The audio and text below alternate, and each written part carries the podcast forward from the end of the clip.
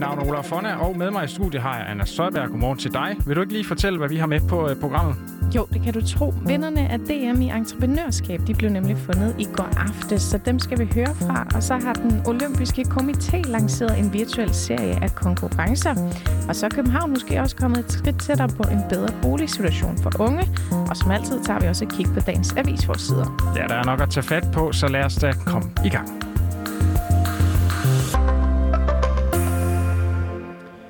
Men allerførst, så skal vi faktisk starte med at kigge tilbage på i går torsdag, for der var altså DM i entreprenørskab.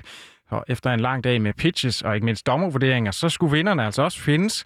De 18.000 kroner og ikke mindst billetten til EM i entreprenørskab, det udgjorde altså første præmien, og den gik som ind til Wilma Care, som udviklede en platform, hvor plejehjem, beboere og pårørende imellem kan kommunikere og planlægge. Vi tog en snak med Benjamin Henriksen, Christian Petersen og Morten Mosgaard, som altså står bag Wilma Care kort efter de havde vundet. Vi tænkte, det er ikke rigtigt. Øhm, vi, var, vi var sikre på, at vi ikke ville vinde, øhm, fordi altså, vi kommer fra en erhvervsgymnasium, og der er så mange andre gode hold, især for det gymnasium. Øh, og vi, vi, vi troede ikke, vi ville vinde, men øh, det gør det ikke mindre fedt overhovedet. Øhm, så altså, det var, vi var sindssygt overrasket, øh, men på den fede måde. Men hvordan lød det her winner pitcher, tænker du måske? Ja, vi kan da lige høre, hvordan øh, starten af det lød. Skal vi ikke gøre det, Anna? Jo, det synes jeg.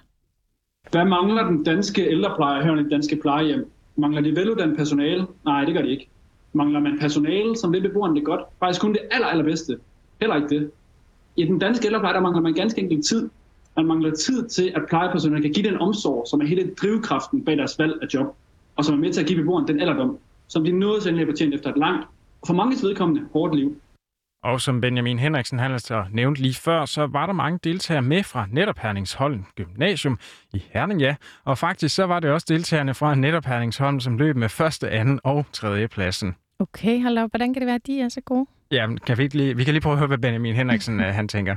Vi deltager i en masse konkurrencer, og vi bliver, ligesom, altså, vi bliver næsten trænet til det her. Det er både undervisere, det er ledelsen, og jeg tror bare alle sammen, de er rigtig, rigtig dygtige til at gøre det, til at gøre, give os de bedste vilkår overhovedet muligt de giver os de redskaber, vi skal bruge, og det er bare virkelig fedt. Og noget tyder altså på, at øh, den målrettethed her, som Benjamin Henriksen han beskriver, den faktisk virker. Vilma kan, de løber i hvert fald med førstepladsen af de her 18.000 kroner. De er altså også rimelig sikre på, hvad de her penge de så skal gå til. Jamen, det er selvfølgelig bruges til virksomheden. Øh, vi har lige øh, vi har en færdigudviklet beta-version, vi har fået en udvikler på projektet, og øh, lige nu der ser det ud til, at selve databasen den er klar. Men altså, for at vi kan få en app, så skal der også et interface på, der skal noget frontend, så det, det kræver penge selvfølgelig, og jeg er ikke sikker på, at det er nok penge overhovedet, øh, men de skal bruges til virksomheden helt sikkert. Ja, der er så nok at se til, men stort tillykke i hvert fald til Benjamin, Christian og Morten. Nå, nu skal vi faktisk bevæge os lidt væk fra de gode idéer og entreprenørskab. Vi skal nemlig over i sportens verden. Fordi den internationale olympiske komité, den har lanceret Olympic Virtual Series, altså en virtuel serie af konkurrencer. Og det betyder, at fem elektroniske sportsgrene, de nu bliver en del af OL-familien, og allerede fra maj i år, der bliver det muligt at dyrke olympisk sport hjemmefra. Det er IOC, der i samarbejde med fem internationale forbund vil bringe den olympiske sport meget tættere på deltagerne. De fem sportsgrene, det er baseball, cykling, roning, sejlsport og motorsport. Hvad tænker du om det, Olav? Jeg, jeg, jeg synes, det er meget fedt. Jeg blev lidt overrasket, da jeg, da jeg hørte om historien. Jeg troede jo, for e-sports forbinder jeg med sådan noget Counter-Strike og skydespil og sådan noget. Men nu er det jo sådan klassiske discipliner, så det glæder mig da til at høre mere om, hvordan det kommer til at foregå. Ja, og for at blive lidt klogere på en af de her sportsgrene, så har vi faktisk snakket med Danmarksmesteren i e-sejlsport. Det er Lukas Mor, og han fortæller lidt, hvad e-sejlsport det egentlig er. E-sejlsport, det er jo en, en version af sejlsport, som man spiller på sin telefon, tablet eller computer. Så lasene tager op til 10 minutter, så det er utrolig intens. Øhm, intens 10 minutter, man sejler mod op til 20 andre både. Øhm, så det er lidt noget andet, end det man oplever ude på det, på det virkelige hav, synes jeg i hvert fald selv. Ja, de fem sportsgrene, de byder altså på varierende fysisk aktivitet. I cykling og roning, der sidder man på en home trainer og en romaskine, og det er de sådan mest krævende. Og mens det er muligt at deltage i baseball, sejlsport og motorsport med et simpelt joystick. Og fælles for de her fem sportsgrene, det er, at det skal være muligt for alle at deltage. Ifølge præsidenten for IOC, Thomas Bach, så er det virtuelle OL nemlig et forsøg på at nå nogle nye målgrupper. I en pressemeddelelse, der udtaler han, at det er en unik det gør han ikke. Unik hedder det. Olympisk digital oplevelse, der sigter mod at forbedre forholdet til det nye publikum inden for virtuel sport. Og det tilskynder sportsdeltagelse og fremmer de olympiske værdier med særlig fokus på ungdom. Og for Lukas Mors eget vedkommende, så lå e-sejlsport altså lige for.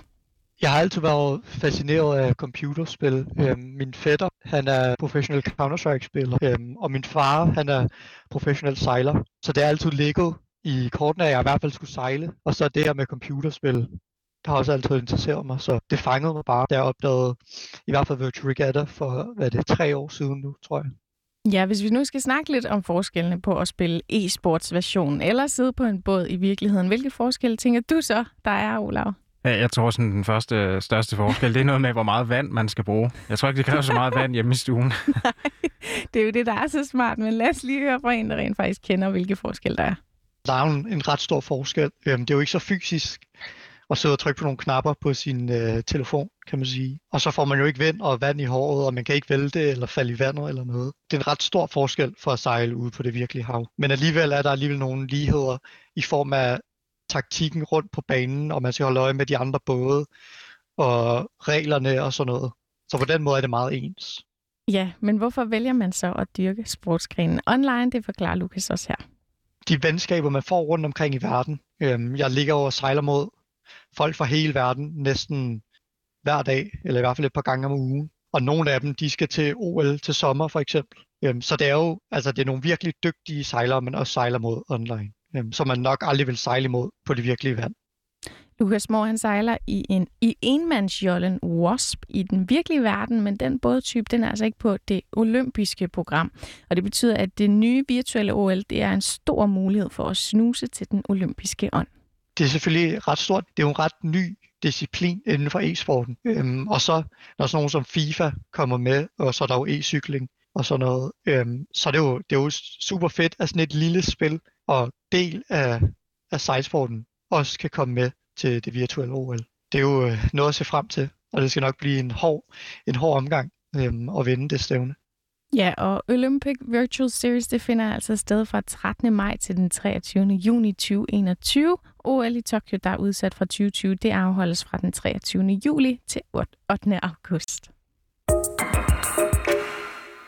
Yes, og i København, der blev der altså i går aftes, som øh, på mange andre aftener, holdt møde i borgerrepræsentationen i kommunen via Microsoft Teams.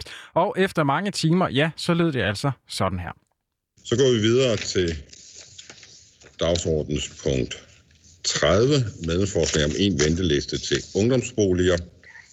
Og, der, der er tag, og det er et medlemsforslag stillet af det radikale venstre, Ja, hvis du ligesom øh, jeg på stående fod ikke lige ved, hvad det her punkt nummer 30 handler om, så kan du altså lige høre her, hvad Christoffer Ryl Andersen, som er gruppeformand for Radikale Københavns Kommune, han fortæller.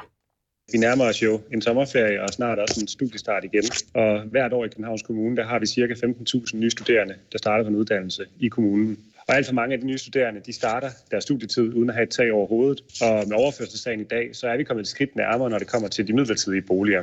Men det er også bare vigtigt, at vi får lavet en god adgang til de permanente boliger. Og derfor så ser vi gerne fra Radikale Venstre, at vi får sikret det her ene ventelistesystem, og ikke de to øh, forskellige ventelistesystemer, som vi har i dag.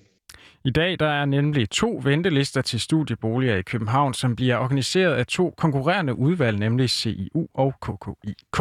Og det betyder altså, at boligkøen den kan være rimelig svær at afvikle, og det giver også længere ventetider til en studiebolig i en by, hvor man jo ikke ligefrem svømmer i den slags. Og det er altså de her to lister, som radikale håber kan blive samlet til en fælles, som man også har det i flere andre byer. Men snakken om en liste, den er altså slet ikke ny, det fortalte Christoffer Røhl Andersen på mødet. Bolden den har været øh, kastet frem og tilbage mellem ministeriet øh, og staten og Københavns Kommune af flere omgange. Og selvom der ligger en løsning klar i et konkret lovforslag, så bliver det afvist af skiftende ministerier øh, og skiftende regeringer. Øh, og derfor ser det ikke ud til, at der kommer det store initiativ inden for staten. De har mange gange sendt bolden tilbage til Københavns øh, Kommune øh, og peget på, at løsningen også skal findes her lokalt. Men også her øh, er arbejdet strandet af flere omgange. Og bolden det ligger altså også lige nu hos Københavns Kommune, hvor næste skridt det så bliver, at man skal gå i dialog med de her to konkurrerende udvalg, altså CIU og KKIK. Og få minutter efter Christoffer Røhl Andersen han havde mutet sine mikrofoner og ladet repræsentationen stemme, ja, så lød det altså også sådan her. For ændringsforslaget stemte 54 og 0 stemte imod, så det er godkendt. Jeg skal høre, om, man vil, om der skal være afstemning om, om forslaget ellers. Det synes ikke at være tilfældet. Så er indstillingen godkendt. Okay, så det blev godkendt, men hvad betyder det helt konkret? Ja, så går der nok lidt uh, byråkrati i det her, men, men kort fortalt, så er det altså planen, at de fremtidsstuderende de kan se frem til, at det bliver noget nemmere at finde en studiebolig i øh, Københavns Kommune. Simpelthen fordi behandlingstiden på en ansøgning, den skulle blive kortere og samtidig også mere overskuelig, når der kun er et sted, man skal lede. Og det er faktisk også et system, som man kender fra eksempelvis Odense og Aalborg. Aalborg, de to steder, der man har faktisk haft i mere end 20 år nu, så det bliver altså spændende at se, om det også er noget, man kan få stablet på benene i København. Yes, og så skal vi lige tage et kig på nogle af dagens avisforsider. Lad os starte med Jyllandsposten, som har en historie om lønulighed på forsiden. Avisen skriver, at der er politisk pres på regeringen for opgør mod netop lønulighed. De radikale Venstre og Dansk Folkeparti de ønsker nemlig sammen med Venstrefløjen et opgør med tjenestemandsreformen fra 1969. Sygeplejerskerne, som tror med at strække fra midnat den 20. maj, peger på reformen som en grund til uligeløn, og de beder Christiansborg indkalde til trepartsforhandlinger. Men ifølge Jyllandsposten så afviser beskæftigelsesminister Peter Hummelgaard altså at gøre det. Hvad har politikken på forsiden? I sætter fokus på tvangsudsendelser. Det handler mere specifikt om en 31-årig somalier, som tilbage i marts blev tvangsudsendt efter en aftale mellem Danmark og så Somalia, der altså mørklægger hans øh, garantier for sikkerhed. Og nu er manden så forsvundet, og avisen den skriver altså, at eksperter de advarer om store retssikkerhedsmæssige problemer. Og med det, ja, så nåede vi altså til vejs ende i den her udgave af Dagens Nyheder. Den udsendelse, den var som en tilrettelagt af Jonas Emil Jacobsen og Julie Vestergaard. Bag mikrofonerne, der stod mig. Jeg hedder Olaf Fonner, og ved min side, der stod Anna Søjberg. Tak fordi du lyttede med.